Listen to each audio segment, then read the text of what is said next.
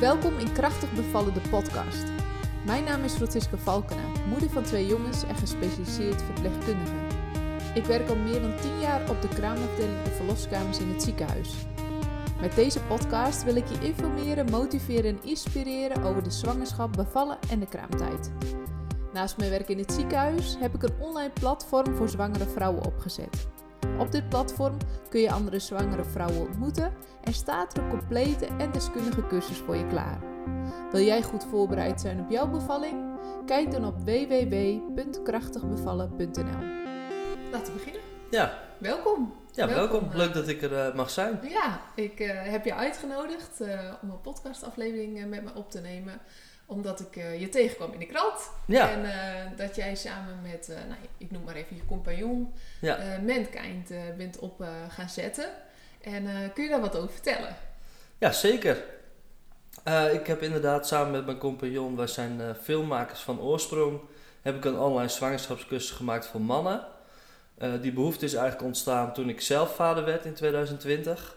Toen merkte ik in de aanloop daar naartoe dat eigenlijk alle informatie volledig gericht was op de vrouw. Of volledig, dat, dat zal, zal, zal niet zo zijn, maar zo voelde het wel. Ja, En ik had vanuit mezelf eh, ja, een andere behoefte. En ik dacht, waarom kan dit niet wat, wat, eh, ja, wat, wat leuker, zeg maar, en met wat Ja. meer humor. En eh, daar zijn we mee aan de slag gegaan. Het had nog wat voeten in de aarde om mijn compagnon te overtuigen. Want die is zelf geen vader, zit ook helemaal niet in die fase. Maar die vond het wel leuk om, om een online cursus te maken. Dus uiteindelijk is dat gelukt. En nu zijn we anderhalf tot twee jaar verder. En hebben we meer dan 600 klanten eh, in ons platform. ja.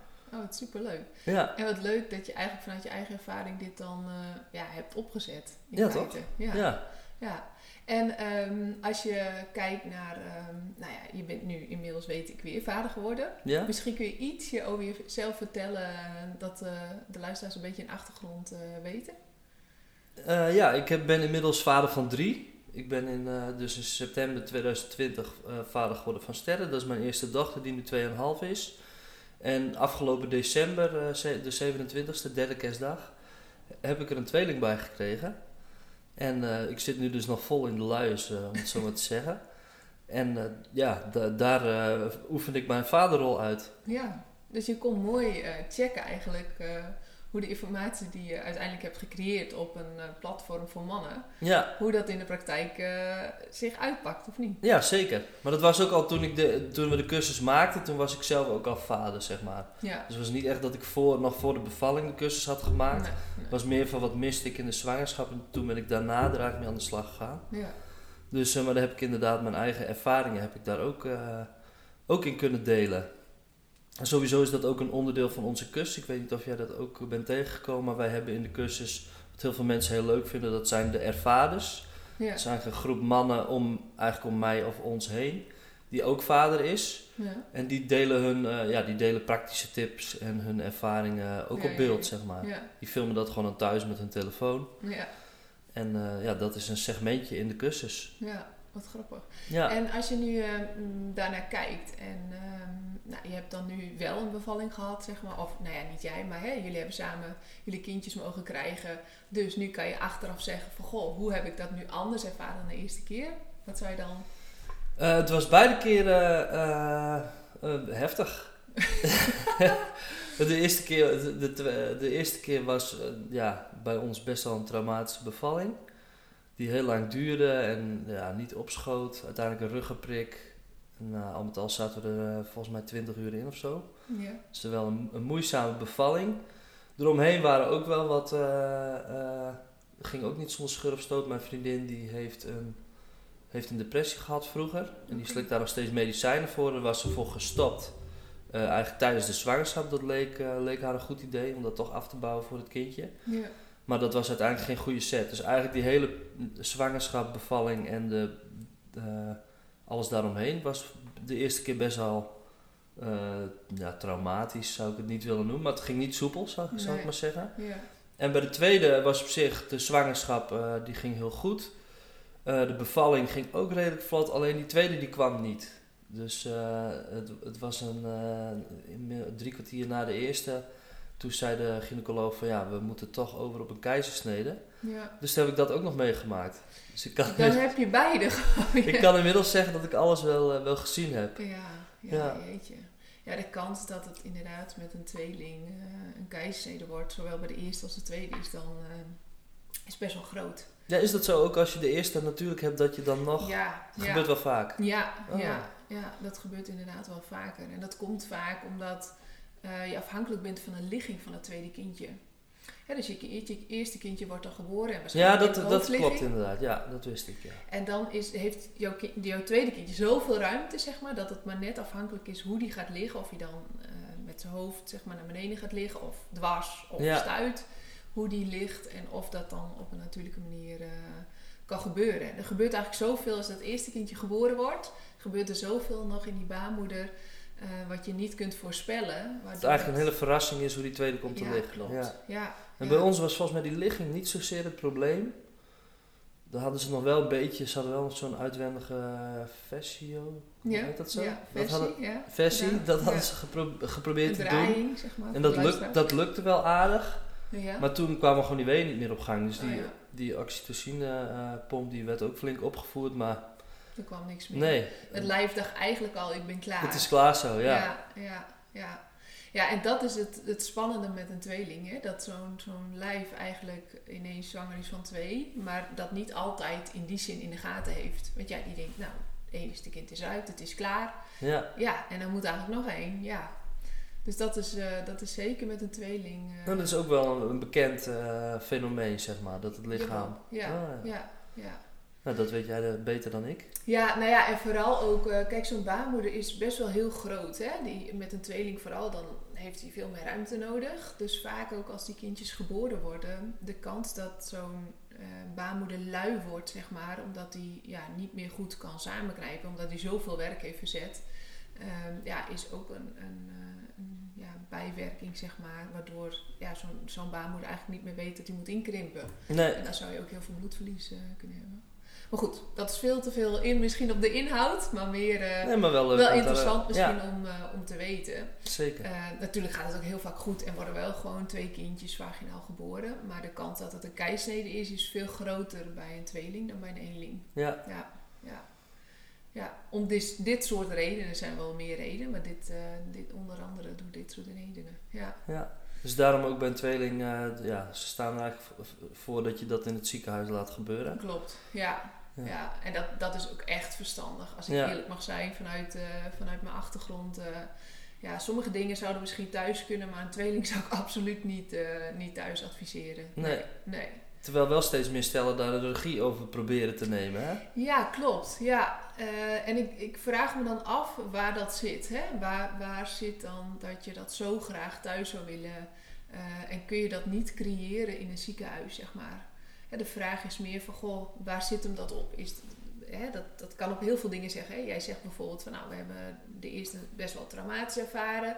Dus dan heb je een vervelende ervaring. Ja, Ja, waar is dat door gekomen? Komt dat door een ziekenhuis? Komt dat door personeel? Komt dat door de setting? Of komt dat door iets heel anders? Hè? Dus je moet eigenlijk gaan uitpluizen. Waarom wil iemand eh, ja, eigenlijk op die plaats... Wat, wat is de, de achterliggende gedachte daarachter? Hè? Ja. Wat, is, wat zijn de verwachtingen? En kun je daaraan voldoen als zorgverlener? In welke setting dan ook. Of dat thuis is, in het ziekenhuis of nou ja, geboortecentra's of, eh, of wat dan ook. ja, En dat is natuurlijk een hele ja, belangrijke vraag eigenlijk. En Ja. dat is eigenlijk het uitzoeken waard. Maar ja, dat is wel eens het lastige in de geboortezorg. Dat je niet altijd als verloskundige, verpleegkundige, gynaecoloog die tijd hebt om dat eh, een beetje uit te pluizen bij mensen. nee, precies. Ja, ik merk bij ons omdat die eerste, eh, eerste gingen we er vrij blanco in. En toen, omdat dat niet helemaal goed was gelopen, kregen wij ook wel een beetje zo'n gevoel van, oh, moeten we dan misschien meer de regie nemen? Of wat willen we nou eigenlijk? Dat eh, begon bij ons ook wel wat meer te spelen. Maar goed, Ja. we waren wel heel tevreden uiteindelijk over het ziekenhuis, Martini, in Groningen. Ja. Dus dat, dat beviel goed. Ja, maar ik denk in alle opzichten dat regie nemen tijdens je bevalling een van de belangrijkste punten is. Want op het moment dat jij de regie hebt, zeg maar, ehm, denk ik dat je automatisch een positieve ervaring hebt. Als je de regie verliest. Dus je moet eigenlijk al, alleen het gevoel hebben dat je de regie hebt. Precies. Ja. Ja. En het klinkt misschien heel gek, want dan denk je, ja, maar dan wil je hem ook hebben, zeg maar. En dat kan ook deels, maar als jij zeg maar weet wat je te wachten staat. Hè? Dus je speelt daarop in van nou, ik eh, wil bijvoorbeeld eh, eh, thuis beginnen en eventueel kan ik in het ziekenhuis belanden, zeg maar. Als je al weet, zeg maar, wat de stappen daarin zijn. Mhm. En daarin maak je bewuste keuzes. Ook al is het misschien niet je allergrootste wens. Hè? Dus je, je denkt bijvoorbeeld, nou, ik zou het liefst thuis willen bevallen. Maar ineens tijdens de bevalling poept het kindje in het vruchtwater. Ja, Dan zou je kunnen zeggen, oké, het loopt anders dan je had gedacht. Je moet nu naar het ziekenhuis, omdat je daar wordt vervolgd en onderzocht. En daar je bevalling gaat doen. Ehm, dan zou je kunnen zeggen, ja, ik ben super teleurgesteld, want ik heb die regie niet meer. Hè? Die verlies ik op het moment dat het anders loopt dan ik had gedacht. ja, Of je denkt, nou, het is een andere, ehm, de omstandigheden zijn even anders, maar ik ga hierin mee. En ik zorg ervoor ehm, dat ik hier weer een stukje regie pak. Ja. Dus ik ga wel naar het ziekenhuis, maar ik zou dan nog graag willen dat ik bijvoorbeeld in bad beval. Of ik zou dan wel graag willen de- dat ik pijnstillingen krijg. Of juist niet. Of weet je, daarin kan je dan weer bepaalde keuzes maken. En elke keer als je dat lukt om in die verschillende omstandigheden toch die regie te bewaren. Ik denk dat daar een heel grote sleutel ligt. eh, ja, om zeg maar ehm, een positieve bevallingservaring te hebben. Ondanks Dus- dus, die omstandigheden. Dus eigenlijk zijn we het erover eens dat je als stel ja, goed moet weten wat er allemaal mogelijk is en Ja, wat er allemaal kan gebeuren. Want dan kun je ook, want je kan natuurlijk niet de regie nemen als je niet weet wat er überhaupt mogelijk is of wat er kan gebeuren. nee. En dat gaat er ook vaak mis. Hè? Dat zien wij ook. Ja, Vanuit die instelling ben ik dit begonnen, zeg maar. Omdat ik op die verloskamer steeds meer zag dat mensen de regie verliezen ja, op het moment dat ze medisch worden. Nou, de cijfers zijn echt heel hoog. Hè? Het is bijna tussen de 70 en 80 procent bevalt van een eerste in een ziekenhuis. ja, Dat is echt mega veel. Als jouw verwachtingen dan alleen maar zijn, ik ga thuis bevallen. ehm, en de Ja, rest helemaal blokkeert. Ja. ja. dan valt je dat gigantisch tegen. Ja. dan is de kans 4 op 5 dat je van de koude kermis thuis Ja, komt. en weet je, en dan heb je het. Ik zeg altijd: het leven is niet maakbaar. Hè? En zo'n bevalling is niet maakbaar, maar het is wel stuurbaar. En als je dat, dat sturen leert, zeg maar, tijdens eh, je zwangerschap, ja, dat gaat je heel erg helpen. En dan maken die omstandigheden gek genoeg niet zoveel uit. Want Ik zie dat in de praktijk, dat als ik soms eh, ja, identieke bevallingen heb, het zijn wel andere personen, maar de omstandigheden zijn een beetje hetzelfde, dan kan het best zo zijn dat de een iemand super tevreden is, helemaal blij, blij en eh, voldaan met haar bevalling, terwijl Ja. die andere dan een traumatische ervaring hebt. En Ja, denk waar zo. zit dat in? Ja, En dat zit toch in een stukje regie en een stukje verwachtingspatroon. ja, Ja, en dat probeer je eigenlijk op te lossen met wat jullie doen, alleen dan voor de mannen specifiek. En wat ik eh, probeer te doen, eh, ja, voor beide, zowel eh, man als vrouw. ja, Ehm, en dat vond ik juist het mooie aan dat jij ja, dit hebt opgezet, om die mannen daar ook meer bij te betrekken. ja. Hè? Want dat is echt heel erg waardevol. Want wat is volgens jou de rol van de, van de partner tijdens de bevalling? Eh, dat was een inkoppertje, hè? die vraag zou ik Hmm. jou stellen. Nee, nee, ik ben benieuwd hoe jij er tegenaan kijkt. Ja, nou, hoe ik daar tegenaan kijk. Want ik vind- heb hem zelf ook nog steeds niet helemaal eh, Nee? helder hoor. Nee, Ja. ik heb dit, ja, wat ik zeg, ik heb ik, in onze cu- cursus eh, deel ik verhalen van anderen. Ik denk Ja. dat dat heel waardevol is. En je moet gewoon iemand, een ervaren van ons, die zegt het ook van weet wat je te wachten staat. Nou, daar hebben wij het nu ook over. Ja, Dus dat is heel belangrijk. Maar verder eh, heb ik de, de tweede keer ook, ja, ondertussen had ik die cursus gemaakt. Maar bij de bevalling zat ik wel weer een beetje van, ja, wat is nou eigenlijk mijn rol ja, hier? ja. Ik moet er zijn, maar ik vond het af en toe ook lastig. Ja, ja, snap ik. En dat hebben best wel veel mannen. Maar grappig genoeg, wat ik, eh, want ik, ik geef ook eh, wekelijks webinars, zeg maar, gewoon om mensen informatie te geven. Kunnen mensen zich gratis bij aanmelden. Ehm, en het grappige is dat, dat vertel ik daar ook altijd in, wat ik echt het allerbelangrijkste vind, is dat eh word de supporter van je eigen vrouw. Eh, en dat, dat klinkt natuurlijk groter dan dat het is. Maar als je het vergelijkt met een voetbalstadion. Nou, Ja. heel mooi konden we dat vergelijken in coronatijd. Hè, die topsporters waren daar hun best aan het doen tijdens zo'n wedstrijd. Ja, En toen het, opeens mochten die supporters er niet meer in. Nou, toen dachten ze, die topsporters die presteerden minder. En toen dachten ze van, nou, dat komt vast omdat ze niet worden aangemoedigd, zeg maar. Dus we gaan daar een tune onder zetten. En we gaan daar zorgen dat mensen klappen en dat gaan we opnemen en dat gaan we dan Oh ja. afspelen. Ja, dat is ook bij de voetbalwedstrijd. Ja, en eh, nou, daar... Dat hoorden die mensen ook echt trouwens. Bij de voetbal dacht ik dat het alleen op tv te horen was. Nee, maar- nee, nee, Oh, nee. Die mensen hoorden dat dus ook, die topsporters. En het grappige was dat dat wel een beetje hielp. Ja, Ja, dus het hielp dus wel een beetje. Dus zo kun je al zien dat dus het brein dus het vermogen heeft om dat aan elkaar te linken. ja, Ehm, dus daardoor presteren ze al ietsje beter. Nou, toen was coronatijd weer over, dus waren die supporters weer en eigenlijk zaten ze toen weer op hun max. En dus je kunt zien dat een bepaalde support, uh, ook tijdens zo'n... In, want ik vergelijk ja, topsport eigenlijk altijd een beetje met een bevalling. Ja. Uh, want het is gewoon topsport voor zo'n vrouw. Uh, dat als jij wordt, positief wordt aangemoedigd, dat dat immens helpt tijdens die bevalling. Ja. Sterker nog, dat dat het, ja, een wisselwerking geeft, zeg maar. En het grappige is, als ik dan tijdens zo'n bevalling daarbij sta en een man die zegt: Oh jeetje, ja, het is wel laat hè. Het duurt ook al best wel lang. En ja, ze komen ook maar niet. Ja, je hebt ook wel heel veel pijn. Ik zie dat je gewoon heel veel pijn hebt. Dat vind ik echt heel zielig voor je. Ja, ik wou dat ik het over kon nemen. En dan denk ik altijd: Ja, dit zijn dus de dingen die niet helpen. Dus nee, nee, deze, nee. voor de luisteraars, Ja. dit helpt niet. Dit helpt absoluut niet Ik- zelfs. dat ben ik wel met je eens. Die ervaring heb ik zelf ook. En dan niet vanuit mij, maar wel dat mensen in de ruimte iets zeiden. Dus wel eh, ook Ja. van, van het personeel. Kleine dingetjes Ja. die ik dan al hoorde. Wat niet helpend is. Wat niet helpend is. Nee. Van, er was, eh, nou, ik wil hier niet roddelen, dat is dan zo gek. Maar er was bij de eerste bevalling was er iemand die zei van... Ja, je weet eigenlijk niet hoe je moet persen, hè? Oh ja. Het was een beetje de Suggestie. laatste fase. En Ja. toen... Ja. Ja, dat, dat merkte ik ook bij mij. Van oké, dus we weten eigenlijk, zo, zo zeg ik dat dan maar even. Ja. Van, we weten dus eigenlijk niet wa- hoe we moeten persen. Dus we, wat zijn we dan eigenlijk aan het doen? ja, ja. En dat Ja, en gaat dat- meteen wel in je hoofd zitten. En dat, dat werkt niet mee. Dus het Nee. tegenovergestelde Nee. geloof ik zeker dat het ook waar is. Ja, en dat is een beetje eh, waardoor ik me hard maak eh, voor, voor, voor NLP en voor mindset, zeg maar. Want dat is eigenlijk wat, wat diegene heeft gegeven, is een negatieve suggestie. Hè? NLP, ik weet niet, weet je wat NLP is? Ja, ik ken de term, maar niet ja, zo neurolinguistisch programmeren is dat. Hè? Dus met je brein, ja, ingesproken taal programmeer je jezelf. Ja, Dus als ik jou een suggestie geef en ik zeg inderdaad van, eh, eh, nou ja, hè, eh, ik denk dat jij niet kan persen of eh, je, je bent niet goed bezig of iets in die term, zeg maar, dan geef ik een suggestie aan jou in je brein van, dat dat zo is. oh ja. is dat zo? Ja. Oh, nou dan doe ik het zeker niet goed. En zeker als dat iemand is die er wel verstand van heeft, op wat voor vlak dan ook, Ja, ga je dat automatisch aannemen dat dat zo is. ja, Hè, en dat, dat is natuurlijk niet zo.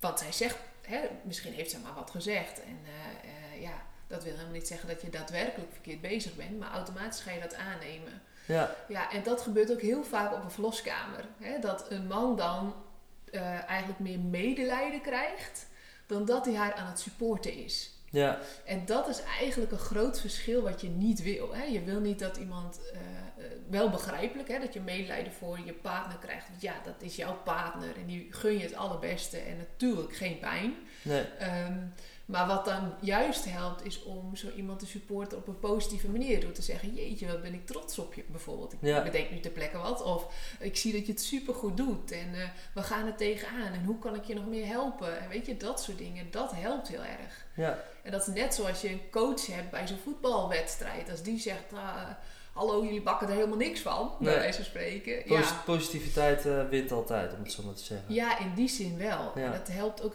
dat is ook echt zo op een verloskamer. Dus, Maar- dus dat vind ik één ding sowieso. Ja, Ja, word een supporter van je eigen vrouw. Dat is echt, eh, denk ik, de meest belangrijke. En ik denk ook gewoon dat eh, zowel de partners als de vrouw echt onderschatten wat die rol van de partner is. Die is echt vele malen groter dan dat je van tevoren kunt bedenken. En waarom?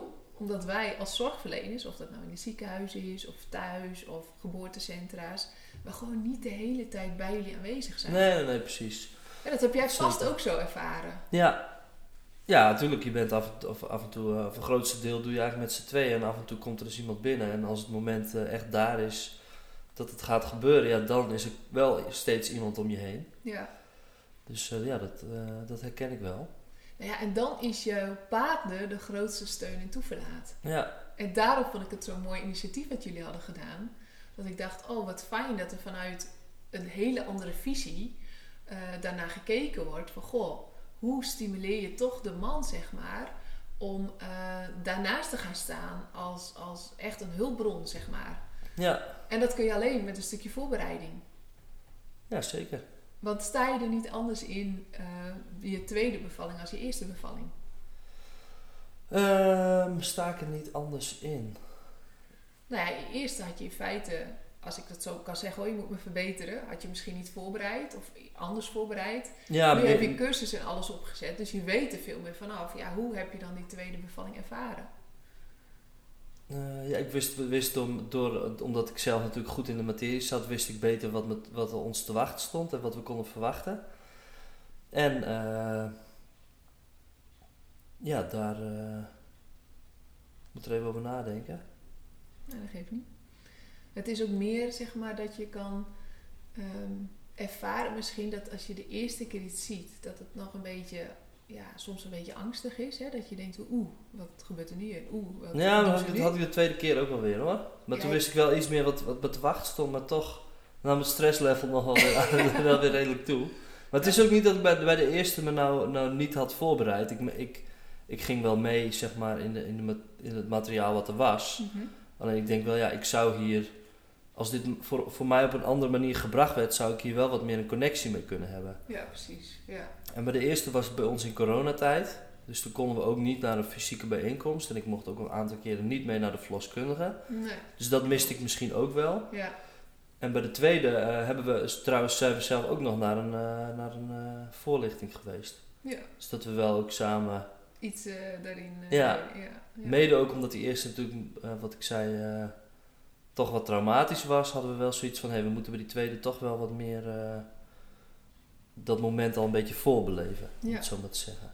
En was die voor jou ook traumatisch of was die alleen voor je vriendin, vrouw, ik weet niet of je getrouwd maar was dat voor jullie beiden een traumatische ervaring of was dat voor één iemand een traumatische ervaring? Um, nou, voor mij was het niet zozeer traumatisch, maar het was wel een, eh, een, al met al een heftige gebeurtenis. En dat het uh, psychisch ook niet zo goed ging, was natuurlijk ook uh, vervelend. Ja. Dus uh, we hebben het allebei, uh, ja, was niet, niet heel, heel was geen mooie bevalling of zo. Nee, je kijkt er niet positief op terug. nee. Maar ja, op de tweede ook niet. Ik vind, ik, ja, je hoort verhalen dat een bevalling heel mooi kan gaan. Ja. Maar wij, wij, Natasja en ik zijn het er steeds over eens dat het gewoon ook wel, wel heel heftig is en pijn doet en bloederig is. En de beloning is mooi. Ja. Maar die bevalling zelf, ja, zo'n keizersnede gaat uh, op zich een stuk makkelijker, om het zo maar te zeggen. Ja, nou, dat moet ik eerlijk zeggen dat ik dat niet helemaal met je eens ben. Ja, ma makkelijker is het, is natuurlijk maar het voorwerk naar, naar zo'n naar zo'n uh, naar zo'n keizersnede toe. Uh, ja, het is heel anders. Dat is heel anders. Ja. Het is gewoon veel rustiger. En bij ja. een bevalling dan bouwt het zich echt op. En die, als je die, echt die, die persweeën hebt, nou ja, als je daarbij zit als man, dat is wel, wel uh, je, de, je maakt wel wat mee, zeg ja. maar. Ja, nee, absoluut, absoluut. Uh, ja, ik, ik vind een bevalling wel echt super mooi. Uh, gewoon ook omdat ja, het lijf kan zoveel meer dan je denkt. Hè, dat, ik ben zelf twee keer bevallen en ook zeker, de eerste was echt uit het boekje, maar de tweede was ook zeker niet van een leien dakje. Alleen wel dat ik vond het zo bijzonder dat je lichaam in staat is tot zoiets. Ja. dus dat je eigenlijk door een eitje, zaadje komt bij elkaar, dat wordt een heel kind. Nou, als je het alleen al beredeneert, hè, dat elke hersencel, elke vezel in het lijf gecreëerd wordt door ja, een lichaam, zeg maar. Dat is uh, zeker heel bijzonder. Ja, en dat dat uiteindelijk dan, dat je dat op de wereld kan zetten, ja, vind ik ongelooflijk. Ja. Dat, uh, dat een vrouw daarin uh, in staat is. En, het is echt uh, ja, een, een absolute topprestatie. Niks is er denk ik mee te vergelijken. Nee, nee, nee. Dus maar ik vind het, ik, wat, ja, als man is het gewoon moeilijk om ernaast te zitten en om eigenlijk om er niks aan te kunnen doen fysiek. Nee. Dat is, dat, daar moet je wel... Dat snap ik heel goed. Ja. Ja, ja. En dan is vooral het moment vanaf dat hij ja, als, je, als, de, als de bevalling echt gebeurd is, dan is het, is het weer het mooiste wat er is. Ja. Dan, dat, vanaf dan doe je het weer samen. Ja, precies. Ja, ja.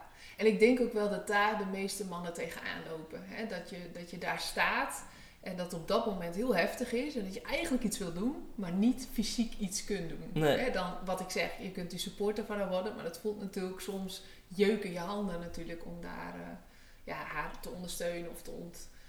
Ja, ontzorgen. Of te, ja, het over te nemen hoor je heel vaak. Ja. ja. en dat kan dan op zo'n moment niet. Want ik voel dat zelf ook wel eens als ik naast zo'n bevalling sta waarin iemand het super zwaar heeft. En dat ik ook wel eens denk van, oh, kon ik het nu maar even van haar overnemen. Ja. Hè, ze is al zo lang dus bezig. Dat, dat is inderdaad, dat hebben, hebben verloskundigen ook wel. Die ja. herkennen dat ook wel. Ja, ja absoluut. Hè, dan wil je het gewoon, omdat je het diegene gunt en omdat je ziet dat iemand worstelt, dat je denkt, ja dit, hier moet ik even helpen. Maar ja, dat gaat niet. Hè? Nee. Dus, dus dat, dat gevoel snap ik wel heel goed. Dat, eh, en zeker omdat jij natuurlijk een veel diepere connectie heeft met jouw vriendin dan, dan als zorgverlener. Ja. Hè, dus ik kan me echt wel voorstellen dat dat natuurlijk vrij, eh, vrij heftig is. Maar wat is dan je beste tip die je mannen zou kunnen geven tijdens zo'n bevalling? Eh, ja, tijdens de bevalling waar wij het net ook al over hebben, dan moet je toch zorgen dat je positief blijft. Ja. En wat ik zelf vooral pro- probeerde, is niet te veel laten zien dat ik het ook wel heftig vond. Ja, ja. Dus ik liep af en toe even de ruimte uit en dan eh, nam ik even een goede hap adem en een slokje water. En dan ging ik met frisse energie, alsof er niks aan de hand was, Ja. dan ging ik weer terug. Dus toch, eh, ja. Oh, dat vind ik echt een hele mooie tip. Want ehm, Ik ben wel benieuwd trouwens wat, wat, wat jij vaak ziet eh, in de verloskamers, wat je, wat, wat, wat juist... niet werkt. ja, dat zei, je zei net al zoiets, maar die Ja. andere kant zeg maar, ben ik ook wel benieuwd naar. Wat je wel kan doen. Of, Ja, beide misschien. ja. Jij ziet natuurlijk heel veel, heel veel bevallingen met de, Ja, met de partner klopt. erbij. ja, En wat ik zei over die, over die eh, verloskundige, dat hij iets negatiefs zegt wat dan heel erg zwaar gaat wegen, zie jij misschien wel andersom. Ja, ik zie dat. eh, ik, ik ben me heel bewust van wat ik zeg hè, op een verloskamer. Maar dat komt ook omdat ik veel in de communicatie eh, heb getraind, zeg maar. Ehm, en ik doe veel met NLP. Dus daarin ben ik me heel bewust van wat mensen zeggen. En vind ik het dus ook leuk, zeg maar, om te kijken wat de wisselwerking is tussen een stel. Ja, Hè, eh, hoe dat is. Want dat is natuurlijk bij iedereen anders. Sommigen zijn heel lieflijk en willen ook zo aangesproken worden. Eh, en sommigen zijn best wel hard tegen elkaar en eh, zijn heel direct. Of, nou ja. Hè, dus, dus eigenlijk wat ik, de- wat ik observeer en wat ik zie is hoe eerst hun interactie, interactie is. Ja, vaak, voor mij is het makkelijkst als ik dat zie op het moment dat ze nog niet aan het bevallen zijn. En Ja. dat we dan gaan inleiden, hè, dat ze uiteindelijk gaan bevallen. Maar goed, dat is natuurlijk... eh, soms kom je binnen en dan is het Nee, eh, ja, over de, de zitten er middenin. Ja, klopt. Eh, dus, dus dat is niet altijd het geval. Ehm, ja, en wat ik dan heel vaak zie is dat sommige mannen zich gewoon ongemakkelijk voelen bij de situatie. Eh, wat ik deels snap, hè? want je, je vriendin, vrouw heeft dan pijn. Nou, dat is een vrij heftige emotie en iedereen gaat er anders mee om. Ja, Je weet ook pas hoe je daarmee omgaat op het moment dat het er is. ja, want die pijn die is er wel, de- wel Ja. degelijk. Ja, Eerlijk is eerlijk. ja, Alleen die pijn is eigenlijk met niks te vergelijken. Dus je, je, hè, ik hoor sommigen wel zeggen: ja, maar ik heb een lage pijngrens van mezelf. Dat maakt niks uit tijdens zo'n bevalling. Je weet niet hoe je gaat reageren. nee, Eh, en dan heeft pijn, ja, wie dat ooit in het leven heeft geroepen, pijngrens vind ik sowieso al super bijzonder. Want er is geen grens. Hè? Dat heeft iedereen bij zichzelf. De een kan iets meer verdragen dan de ander. Maar uiteindelijk heeft iedereen een bepaalde drempel waarin het ja, ondraaglijk wordt, zeg ik altijd. ja. Die Die, drempel- drempel die ga je wel eigenlijk bijna zeker over, toch? Nou, dat wil ik niet altijd zeggen.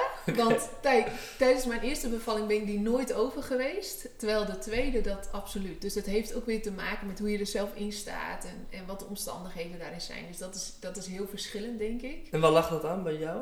Eh, bij de tweede bedoel je? Of bij de Ja, eerste? waarom was het bij de eerste, ging dat, was dat eigenlijk soepel? Ja, bij de eerste eh, had ik me echt super goed voorbereid. Eh, dat is al even geleden hoor, 2015 was dat. ja? Ik wilde thuisbevalling, bad en alles. Ja, het liep op rolletjes eigenlijk. En ik vond het echt een fantastische ervaring. En het deed echt wel pijn en ik had echt wel zwaar en weet ik het wat. Maar ik vond het echt geweldig. En echt na een kwartier na mijn bevalling zei ik tegen mijn verloskundige... Nou, dit wil ik morgen weer. Zo bijzonder Ja, vond ik het. Ja, Oh, echt. leuk, ja.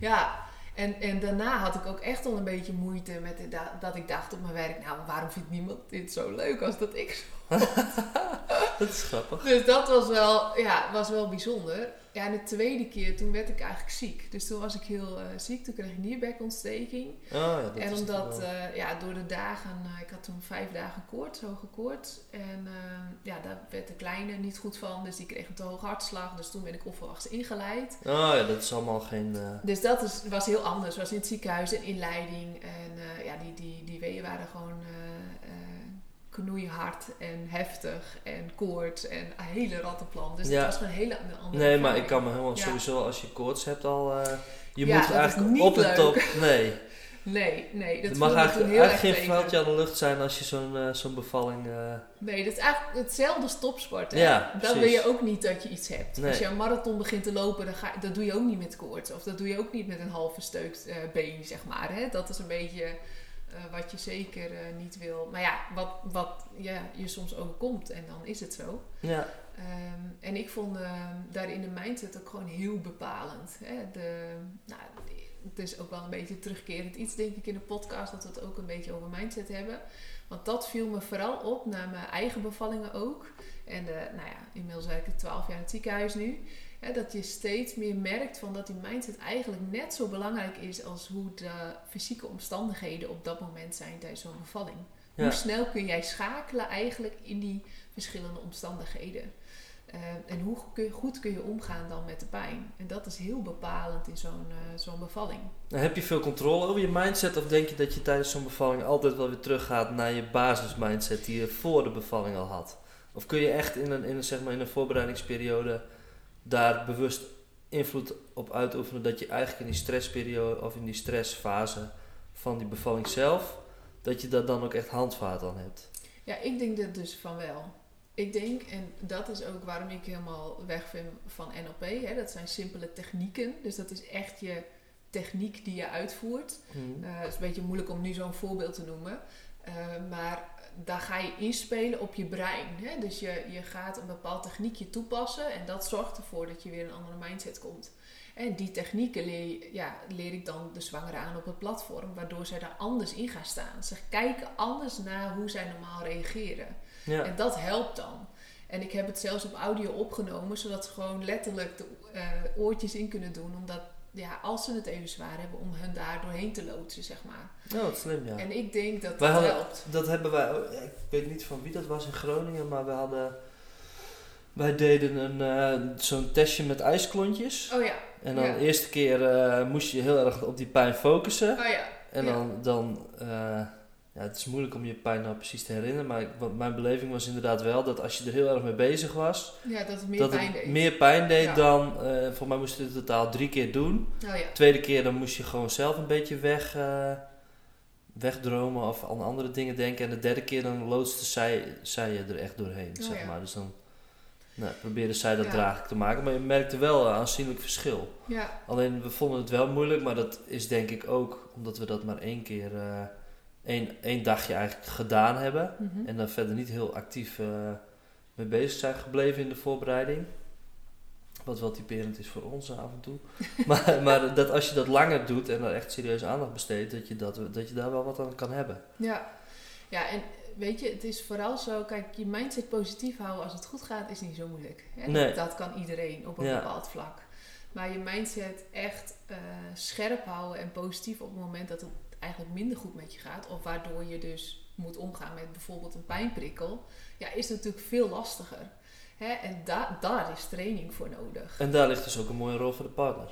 Klopt, ja. want die kan suggesties geven. En dat noemen we in de NLP dus suggesties geven op een positieve manier. Ja. Dus die kan eigenlijk die triggers pakken, uh, waardoor die vrouw eigenlijk ja, continu in die, dat systeem uh, gaat, zeg maar. Ja. En dat kan al, om even toch een kort voorbeeldje te noemen, um, denk eens aan iets positiefs. Hè? Um, jullie kunnen bij wijze van spreken een prachtige, um, nou ja, pak onze ervaring, wij zijn gek op Vlieland.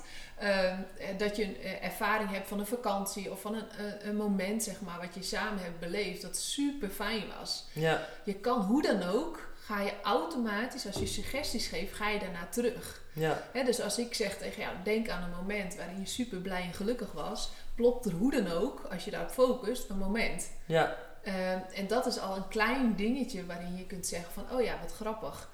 als je dat stimuleert en je leert dat steeds oproepen, zeg maar, op een bepaalde manier. En dit is maar een heel klein stukje van NLP, maar om even een voorbeeld te geven.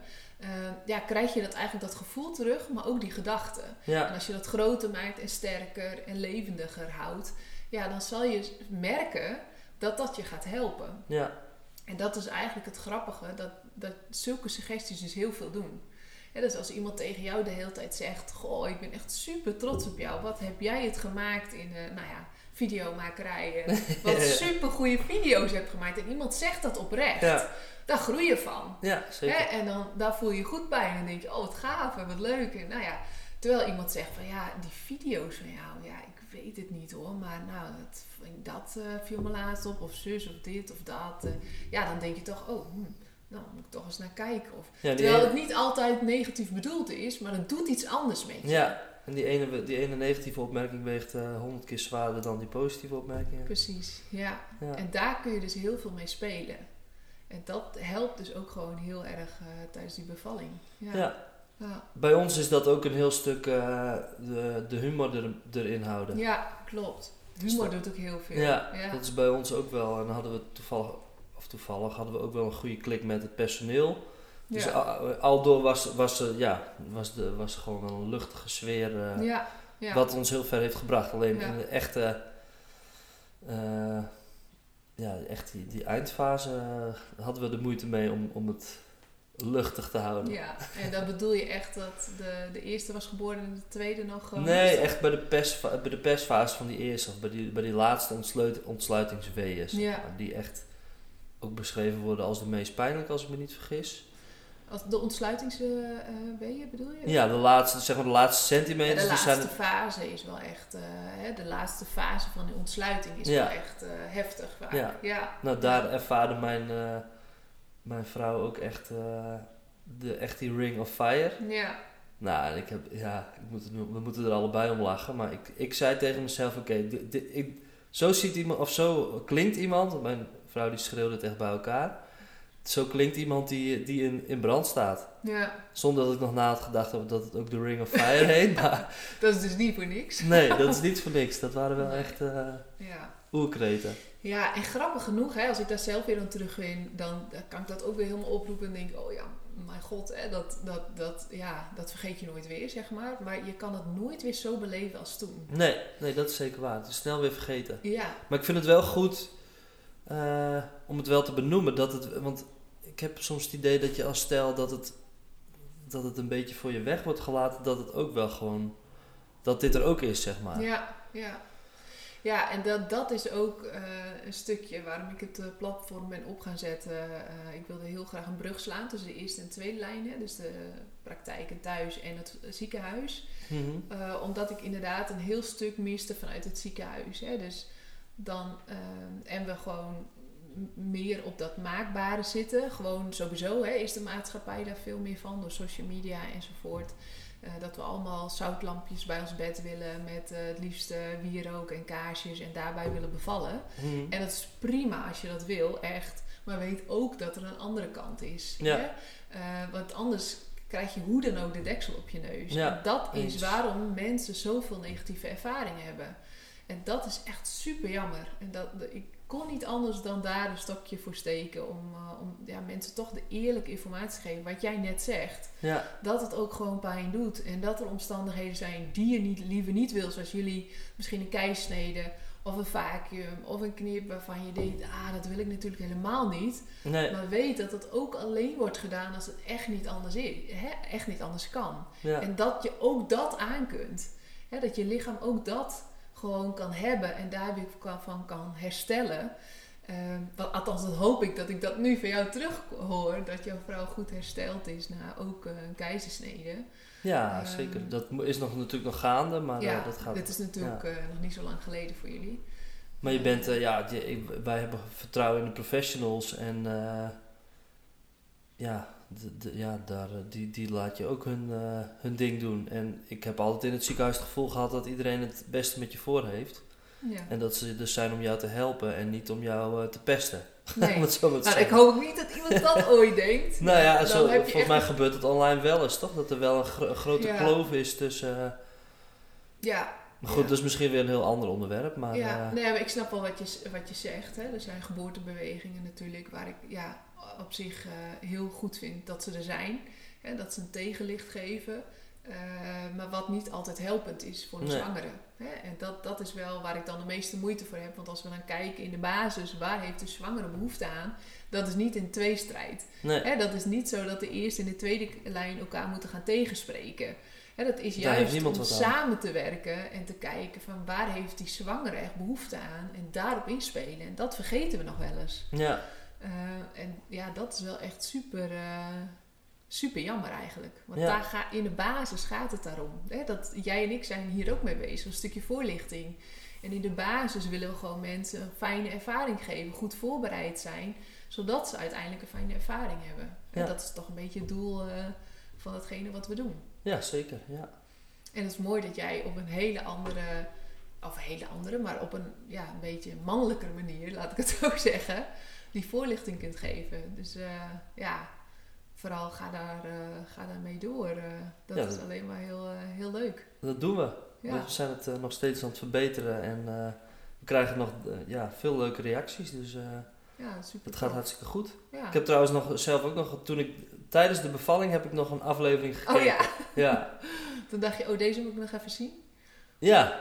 Ik denk toch even in, in het moment zelf. Natuurlijk niet eh, helemaal, maar gewoon op het moment dat het nog kon. Zeg maar in een rustigere fase. Ja, Had ik zelf nog een video teruggekeken. dacht ik, nou het klopt wel. eh, ja ik wilde wel wat we ik zeggen. ja. Ja, goed zo. Leuk. is leuk. Leuk om te horen. Heb je nog een tip voor onze luisteraar of voor de partners of iets waarvan je zegt, oh dat wil ik nog even delen? Nou, de gouden... Kijk, er zit een stukje humor in onze cursus. Mhm. En een gouden mankind tip is altijd... Ze heeft altijd gelijk, al helemaal als ze zwanger is. Nou, nou dat is, sowieso sta ik daarachter. Nou, precies. En onze psycholoog Hanna, die zegt ook altijd van... eh, eelt, of kweek een beetje eelt op je ziel. Ja. Dus eh, ja, hou er rekening mee dat jouw, eh, jouw vrouw inderdaad een topprestatie moet leveren. En probeer daar als man zo goed mogelijk in mee te gaan en haar daarin te supporten. Ja. En af en toe door de hormonen krijg je het misschien van langs. Ja. Maar uiteindelijk is het allemaal waard. Ja. nou, dat is een hele mooie en dat is ook een goede om mee af te sluiten. Ja, toch? Denk Ja. ik ook. Hartstikke bedankt. Graag gedaan. Deze podcast dient als inspiratie en voorbereiding op jouw zwangerschap en bevalling. De informatie die gegeven wordt kan handig zijn voor jou, maar het kan niet worden gezien als een medisch advies. Voor meer informatie over hoe jij je het beste kunt voorbereiden op jouw bevalling, ga dan naar www.krachtigbevallen.nl. Het online platform voor zwangere vrouwen.